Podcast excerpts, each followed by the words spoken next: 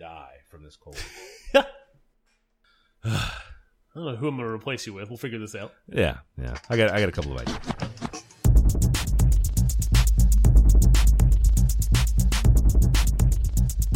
This is the Safest Milk Podcast, where Adam and I get together twice a month to use bad words to talk about things we like. Um, as we start this new year, Adam, I have one question for you. Are you drinking a beer? I am totally drinking a beer. Please tell me about your beer. There's no New Year's resolutions where I stop drinking beer. That's silly. A good Uh, one, bro. I'm, I'm having the Ballast Point Peppermint Victory at Sea. Ooh. Are Uh, you having is- an? Go ahead. Is it in a bottle? It is a bottle. Yeah. Yes. Uh, I believe it's coming on draft around here right now. Um, but no, this is a uh, a a coffee porter that is a very tasty coffee porter normally, and the peppermint is uh, on top of it is very good. Excellent. It's not um, it doesn't dominate the coffee. It's kind of a kind of a crisp peppermint start, and then kind of finishes with that smooth uh, coffee. It's very good. Oh, that is nice. That is nice. I wonder if maybe the coffee is there to bolster the body of the porter a bit so that it can support that peppermint. I wonder. Uh, it's normally the regular Victory at Sea is a coffee porter. Yeah. yeah. It's and it's a very it's a good one. That's a really good beer. Yeah. I don't get up with porters that often, but this is this is uh, probably in my top five. Excellent. How about you, Mike? What you drinking? Uh, I am drinking an oaked arrogant bastard ale from Stone. Uh, I had a, a handful of beers to choose from tonight, and I chose this one because it is uh, gigantic, and I needed a big beer to fight through this cold I'm uh, wallowing in. It's it's a terrible sort of head cold, coffee, kind of, a coughing rather kind of garbage, and I wanted to taste my beer. So you're drinking your medicine. I get it. Yes, yes. The uh, the the arrogant bastard ales aren't pale ales like you would assume from being a Southern California beer. It's uh, more accurately an uh, old style American ale, I guess is what they call it. Uh, it's a catch-all category for uh, high ABV beers um, that can get really, really crazy, like brandy territories. Um, no specific hop profile, malt profile to them. It's just sort of uh, high ABV beers uh, that aren't barley wines. Um, and this one is uh, it's not barrel aged; it's an oaked arrogant bastard, but they age it on, or I guess they age it on wood chips, not in barrels, so they can produce a lot of it because wood chips are easier to come by than the barrels themselves. Sure. No, that's interesting. Uh, I I think the arrogant bastard is probably one of the first uh, outside of a Legend Brown, probably one of the first like craft beers that kind of got me into drinking drinking outside of uh, you know the big the big heavy corporates. Yeah, they uh they were early in the phase of mass producing the craft beers. Um, it's a monster, the arrogant bastard. Uh, people enjoy it very much because it is so big. It generally is high in the ABVs, and they monkey with the styles a bit. There's a coffee variant of this.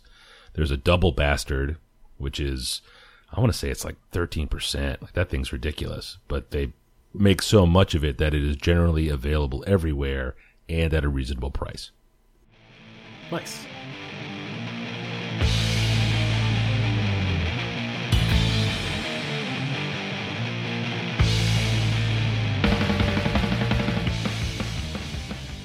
Mike, Yes. do you have a number one this week? before we even get to the number ones, I have a little follow up. Based on our year end, uh, I was uh, confused. I want to say uh, I dug a little deep into the Christmas cheer, but it was a full week after Christmas, so it was n- I, really no excuse. Uh, when I was talking about the deadlift, talking at length about the deadlift, I was referring to it as a basic lift. Um, and I couldn't remember what the right word for what that lift was. That lift is called a compound lift. Your bench press, your squat, your deadlift. They are compound lifts because they require you to use more than one joint or muscle group to complete the movement. You're bending your knees and your hips uh, and your shoulders in a squat. You're flexing your hips and knees and shoulders again in the deadlift. The bench press is an elbow and wrist and shoulder movement. Lots of lots of moving body parts together make a compound lift. And those lifts are the foundation of really not even modern weightlifting, but weightlifting as a strength sport. And I guess com compound um, is is an apt description given that they are they look deceptively simple, but the form is really hard to get because you are transitioning between using different muscle groups. Yes. And you have to do that properly. Yes, one part of the movement, you know, it starts with one thing and and works its way into another, and you're bending different joints, and you have to do that appropriately, or you can get hurt, or lose control of the weight, or it goes badly, or perhaps not maximize the amount of weight you would be able to move. Gotcha. Uh, my only follow up this week is a very short one. Uh, last week we mentioned the um, Terma Muhu? Terama Zoo. Terma who? Terma, which The, one was that? the Terrapin one? Yeah, Yeah. that one. Yeah. I had that beer on uh, New Year's Eve. Oh, really? It was very, very good. Not too sweet. Um, just tasty beer. Uh, do you remember it well enough to compare it to the Strangeways Tiramisu? Uh, it was way better. It Oh, the Terrapin one was? Yeah. better. Yeah, yeah. No, uh, I was I was into my cups at that point. This was probably past midnight whenever it got poured. Oh, that's a lot of beer to pour after midnight. It was it was real tasty. Yeah. Excellent.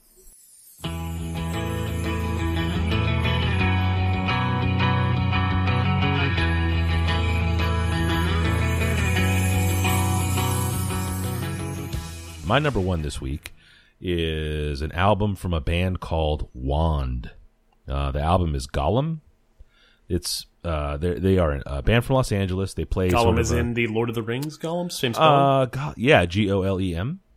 Uh, I think that's probably the same. I don't know that it's necessarily influenced by the Lord of the Rings. I think a golem is as soon as I asked that question, oh, you mean like a golem? Golem, golem, Gollum? like the the Jewish stone protector or clay? yeah, yeah, yeah, yeah. Okay, could be gotcha. could be either of those. I don't know. I don't know which, but it's definitely like a geez, Lord of the Ringsy kind of name for a thing. Uh, this band plays like a sludgy psych rock kind of music. Psych rock meaning uh, uh, like a Black Angels or a Moon Duo. Uh, lots of feedback in the guitars. Can occasionally break into a long, drony instrument solo, like an organ or a guitar. Uh, they use studio tricks like loops or or uh, backwards masking. You know, playing the tapes backwards. Things to. The idea is that uh, psych rock is using trying to use music to capture the psych the feeling of being on a psychedelic drug. Uh, only you know using music. It's kind of what came from music in the '60s, like your your Jimi Hendrix is. I guess So we're not talking of. about anything super fast, right? It can it can keep pace for sure. There can be a driving beat to it. Some of the bands have uh, pretty heavy drum bits to them.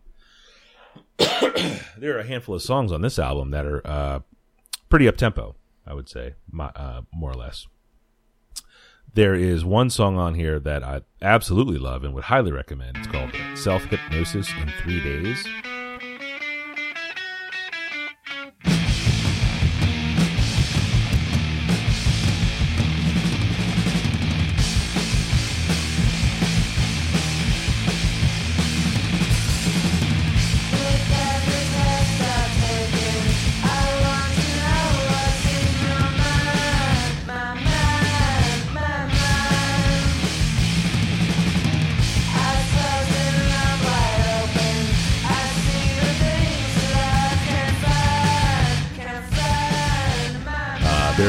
Noisy bits to it where it breaks down into not a loop or a or a sort of a studio uh, trick, but breaks into just like a squalling noise. Uh, Not generally my favorite, but it works well here because it doesn't uh, overwhelm the the guitar or the beat to it. Uh, I, I enjoy psych rock generally. Uh, you know, it's based mostly on my deep love for Spacemen 3, which is a band, an English band from the 80s that really probably deserves their own three for me at some point on this podcast. But Gun, Mike, gu- gun to my head. Yeah. You told me Spacemen 3. I Yeah. Uh, video game. Video game. Yeah. not a video game. Okay. Not a video game. Space, Spacemen 3 is a is a great band, and now I'm not, that will probably be my next three next week. That's a wonderful band, great band. Uh, it's, that's just straight heroin music. It's wonderful. But Wand, their album Golem from 2015. Uh, and the song Self Hypnosis in Three Days is my number one. Very nice.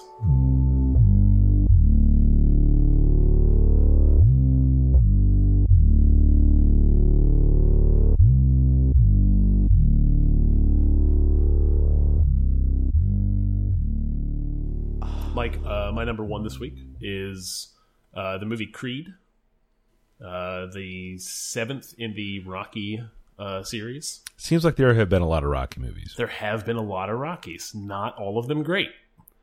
Um, this movie turns out is a good one. I've heard Uh, that. it does not star Sylvester Stallone, uh, reprising his role as uh, Rocky, uh, winning fights at uh, 75. Do you know? Do you know Rocky's last name?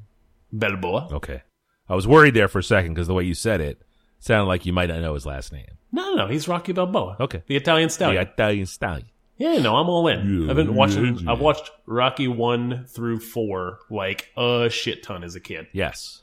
Love, love, love, love. Yes. those movies. Yes. too much nostalgia for me to go back and watch them now and think anything other than that they are great. Well, the first one is actually a small, subtle film. Yes, it is. Yes. Yep, still, still enjoyable to uh, you know elementary school me. Yes. Now the third one, featuring Mr. T, Mr. T and Hulk Hogan. Yes, is just a, a beautiful slice of what 1980. What is that? Six? I think so. That sounds right. Yeah, I don't know if that's my guess, but that's what that was. Fucking amazing. Oh, it's a good movie. No, so so four is great. You know, fighting the Russians. Five is a is a it's a burning. It's just a rolling car fire. That was Tommy Gunn. Tommy Gunn. Ah, Tommy Morrison, poor bastard. Yeah. So I think that movie ends. Spoiler alert: with a street fight, not an actual boxing match. Hmm. If you're not They Live, I don't want you to have a street fight in your movie. Exactly. Get out them streets. Yup. What? What's going on? Oh no, I was just. Thought you had a stroke. I was concerned. I mean, it's coming. I'm gonna start Okay. coughing again. no. So uh, I did not see Rocky Balboa. So I did not see number six. Are they related? Do you need six to make sense of seven? Uh, uh, there's a, there's some story stuff that they mention in Creed, but I had heard about what happened in in Balboa. Um, but unnecessary. This movie does not star Sly. It stars Michael B. Jordan, who I am a big fan of from The Wire. Mm-hmm. Um, and uh, apparently he's great in Friday Night Lights. I have never seen that show. It's a wonderful show. You're doing yourself a disservice by not watching the pilot. I'll put it on the the mountain high list of shows I'm supposed to watch. Um, but Michael B. Jordan is the star of this film, and he is great in it. Uh, Creed is, uh, I think it gives itself away in the title, Apollo Creed.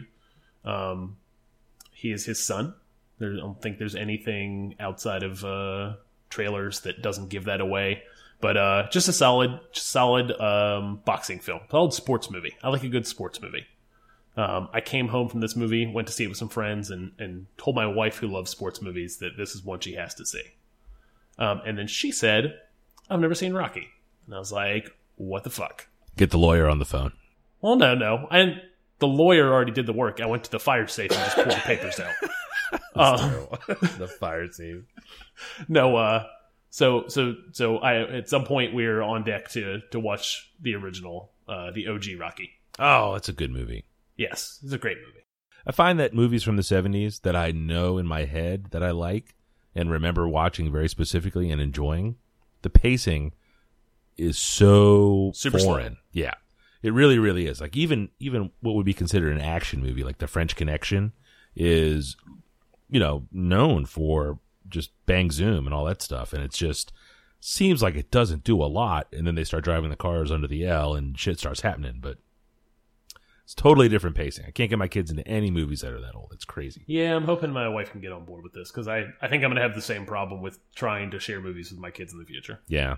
Yeah. I know my dad did, so what are you going to do? Yep. Um, uh, last thing before we before we go on this topic, uh, Sylvester Stallone is in this movie. Um, he is really good, like super good. Um, just a very subtle uh, acting job. None of the kind of very heavy like mid Rocky series like uh you know just like groaning Adrians and that shit. Yeah. just super subtle. Like totally drops the the hard Rocky um, routine. It's good.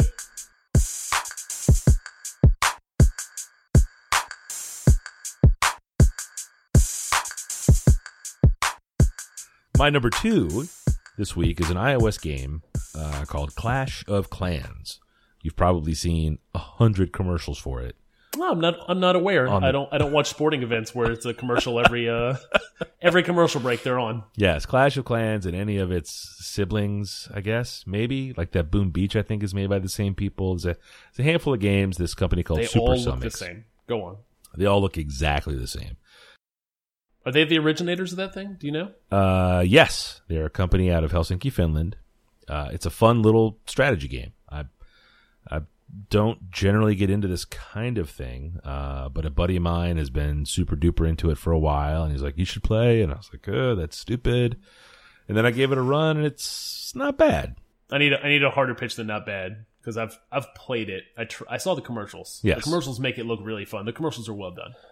And then I played the game, and I was like, this is boring. So, like any of the uh, sort of the strategy games that you play, like a Civilization or uh, an Age of Empires, uh, the first phase of it is uh, sort of claiming a foothold.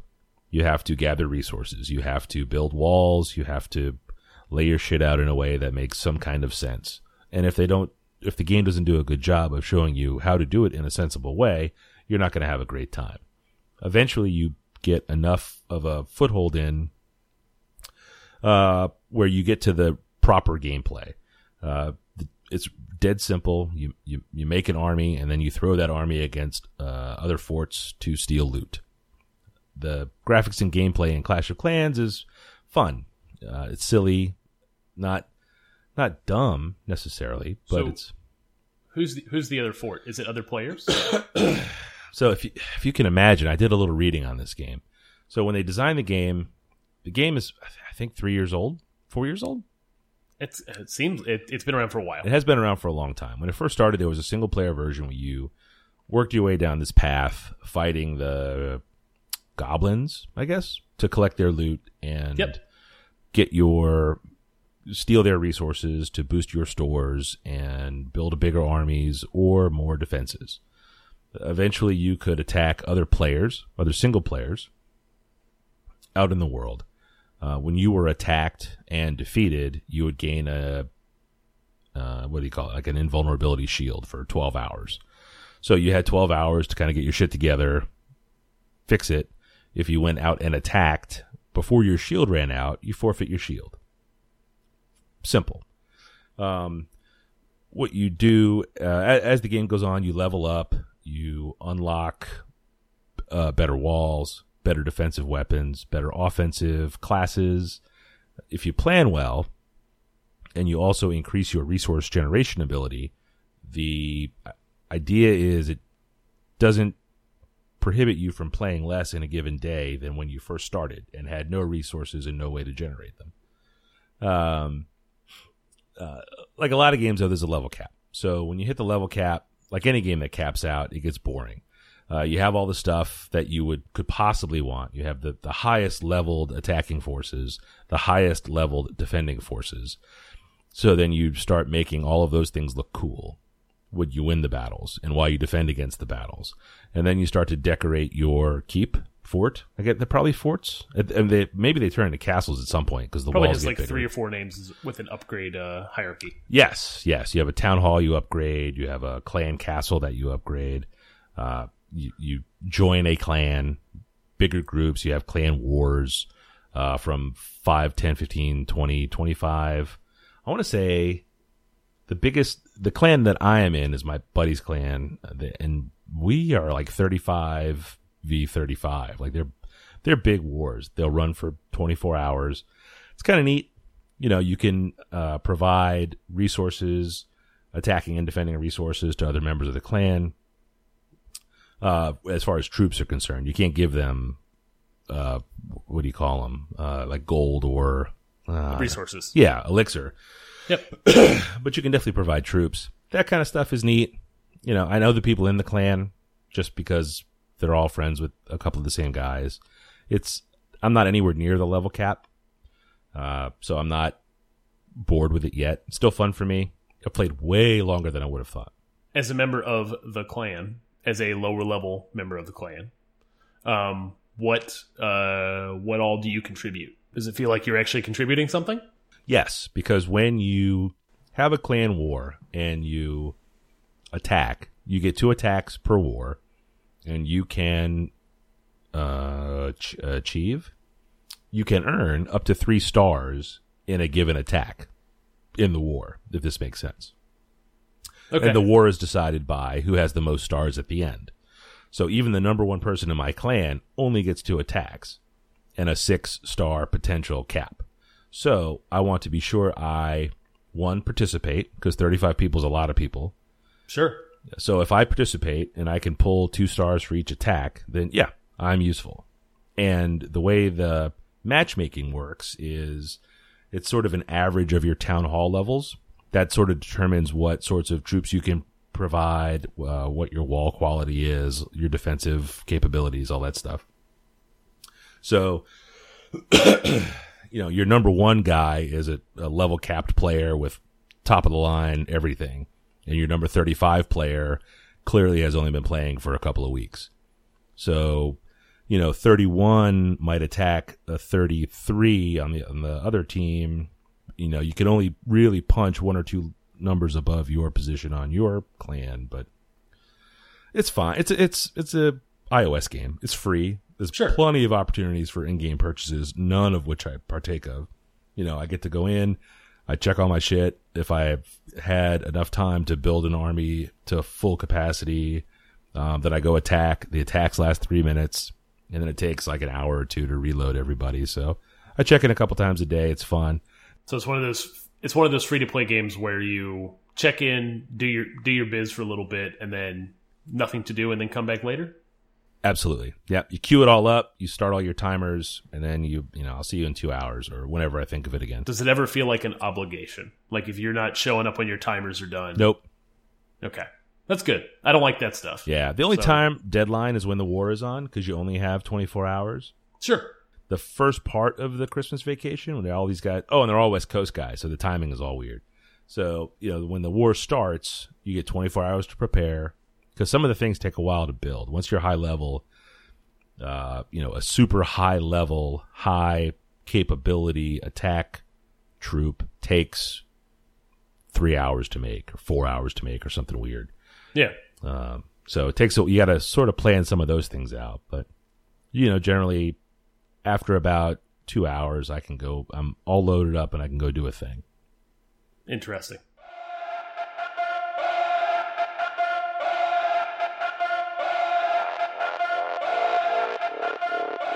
Mike, my number two this week is uh, Pusha T came out with an album right at the end of 2015 Really? called King Push, um, and it is named after a song on uh, his previous album, which was "My Name Is My Name." There's a song called King Push on there, and this album is uh, it's a it's a Pusha T album, which to me that means it is uh, super super duper high quality rapping. Pro he's probably in my top five um, MCs for kind of this era. He is uh, now the president of Good Music, which um, to my mind means he's associated with Kanye, which means he gets uh, well produced music. Yep. He gets um, awesome beats. He gets the cream of the uh, the crop in terms of beats, and he knows how to use them. Um, he still raps about uh, drug game. Just that's that's his thing. Is uh, he was a drug dealer? I think in the Virginia Beach area. Um, started with the Clipse. Um, the Clipse are great. Um, Clipse were right in my wheelhouse whenever they were uh, big. Uh, Pharrell produced a lot of their stuff. He is uh, kind of the Clipse ended, and he has had a great uh, kind of second half of his career. Um, and uh, the song that has kind of stood out the most for me is a song called MFTR. Up in that bitch and wave at everything. Gon' make it bang, gon' make it bang. Getting followed by them hollow, gon' make it bang. Niggas ain't been to church in a minute, but it's funny how that tech make a nigga get religious. Amen. You rather be more famous than rich. Amen. Play your role, it's easy being my bitch. Got me waving It's only right niggas. for a queen to floss your shit. Rolex crowns, I emboss your wrist. The minimums, niggas ain't synonyms. Dual exhausters, driving flying saucers, diamond crosses,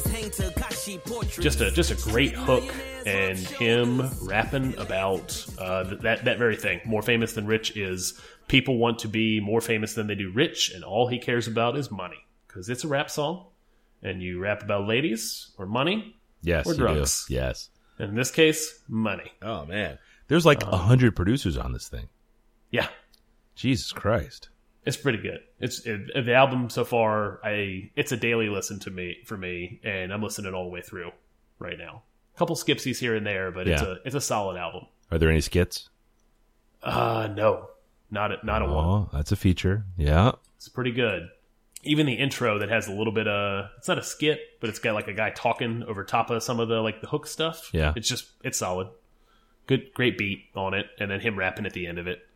Um nope. Super solid rap album. If it had been earlier in 2015, um could have made my top 5 from last week. Oh, really? Yeah. Uh, I'll have to I'll have to make sure that I remember it for uh, you know 2016's version of what we did before.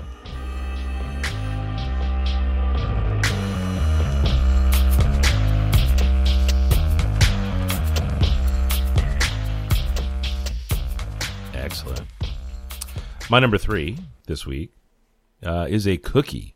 We are just through the holidays. Uh, I don't know if you guys do Christmas cookies over there, but they Like an exchange or a making of. no, no, no. My my mom makes a million cookies for Christmas every year, um, and my favorite of those cookies is the peanut butter blossom.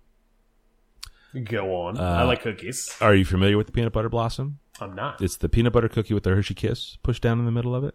Oh no no no! I am 100 percent familiar with. It's a cookie. standard. It's a I standard. I didn't know it had a name. Yes, it's the peanut butter blossom. It's the the Christmas cookie of all Christmas cookies. Uh, historically speaking, Mrs. Freda F. Smith of Gibsonburg, Ohio, developed the peanut bu- peanut blossom, as she called them, for the 1957 Pillsbury Bake Off.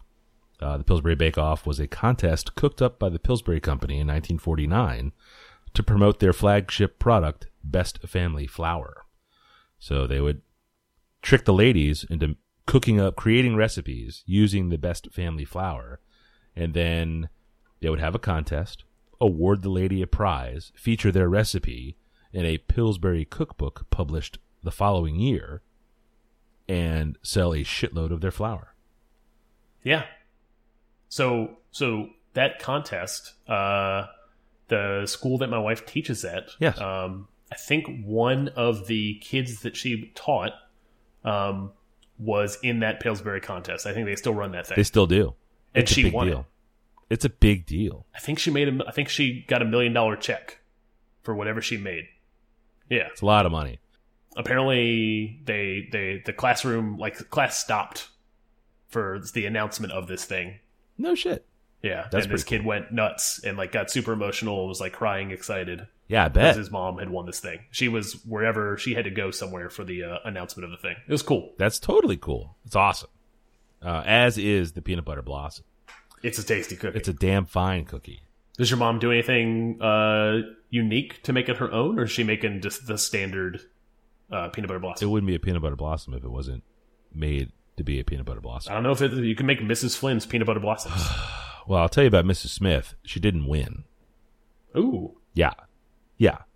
Uh, she lost to something called an accordion cookie, which is this gimmicky nonsense where you fold the foil in the pan and put the dough in the crease of the foil.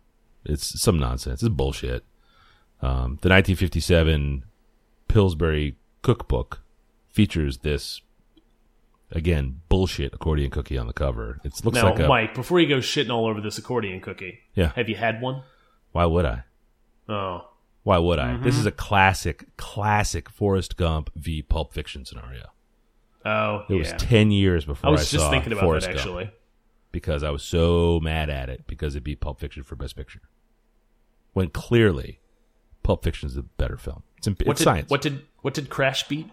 Didn't Crash win? Nobody cares. That's like the Dark Ages. In, in hundred years, no one will even know the '90s were a thing.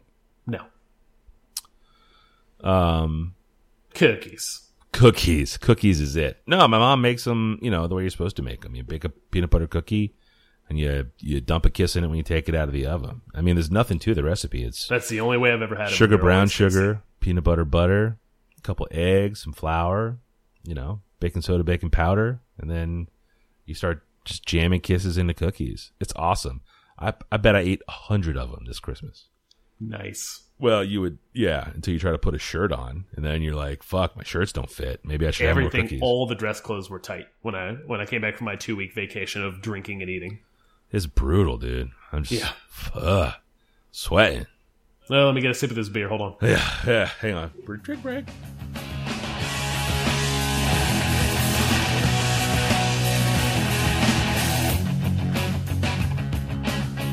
Uh, my number three, Mike, is uh, the video game Mario Maker.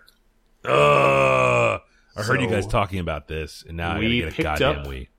A Wii U for Christmas. Santa brought one because Santa's the best. He's a good dude. Um, we got a handful. We got four games now. Mario Maker is uh, just far and away the best game. It is every. It's the Mario's mechanics have never really changed outside of like a Mario sixty four or Mario Galaxy. It's, but like like classic standard two D Mario platforming is just uh, it's it's universally known. I think right. Everyone probably everyone's played a Mario game who um, has been near a, a video game console at some point. Yes. Um, this game allows you to make your own Mario levels.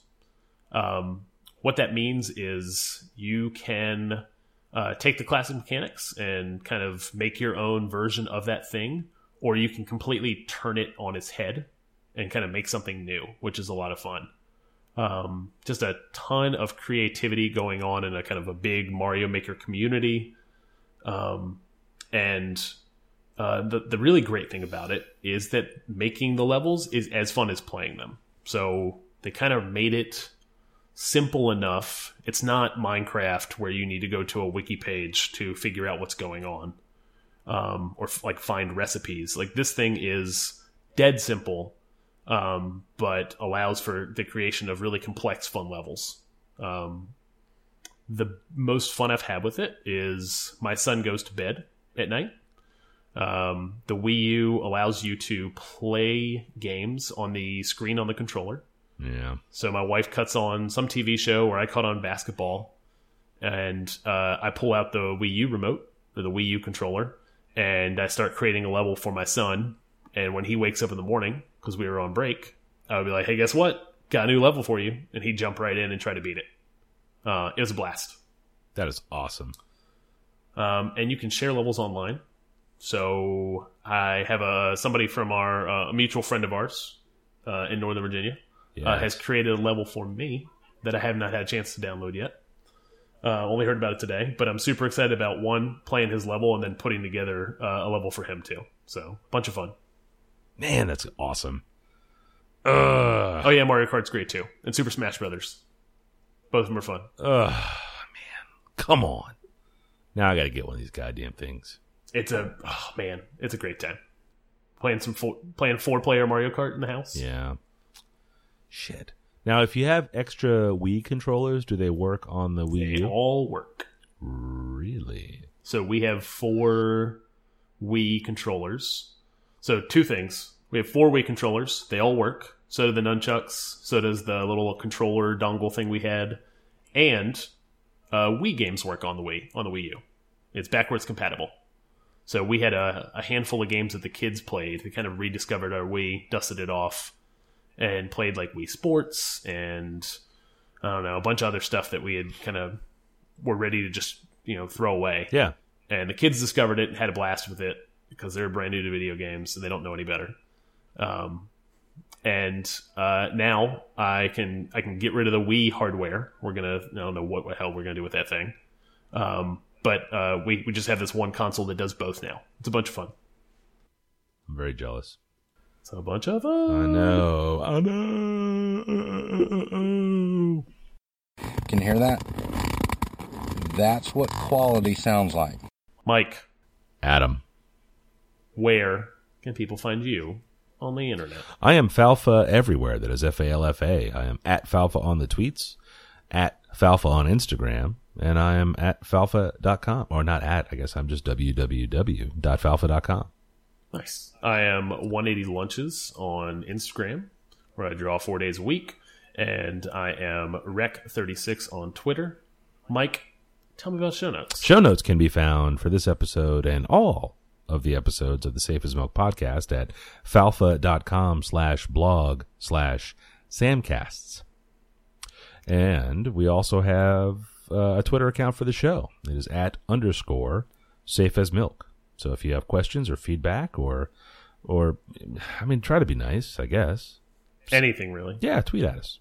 Really, I don't think anyone has tweeted at us. So if one person out there could please tweet at us just to There was a there was a tweet, right? There was somebody asking about uh back back episodes or show notes or something. I don't recall that. I don't Oh, recall okay. that. I may have blocked it out. Dig around. May have blocked it out. I, And and finally, as always, Mike, a big thank you to anybody who is downloading and listening on a regular basis. Anybody who's given us a try, thanks a bunch. we appreciate it. Thanks. Peace. All right.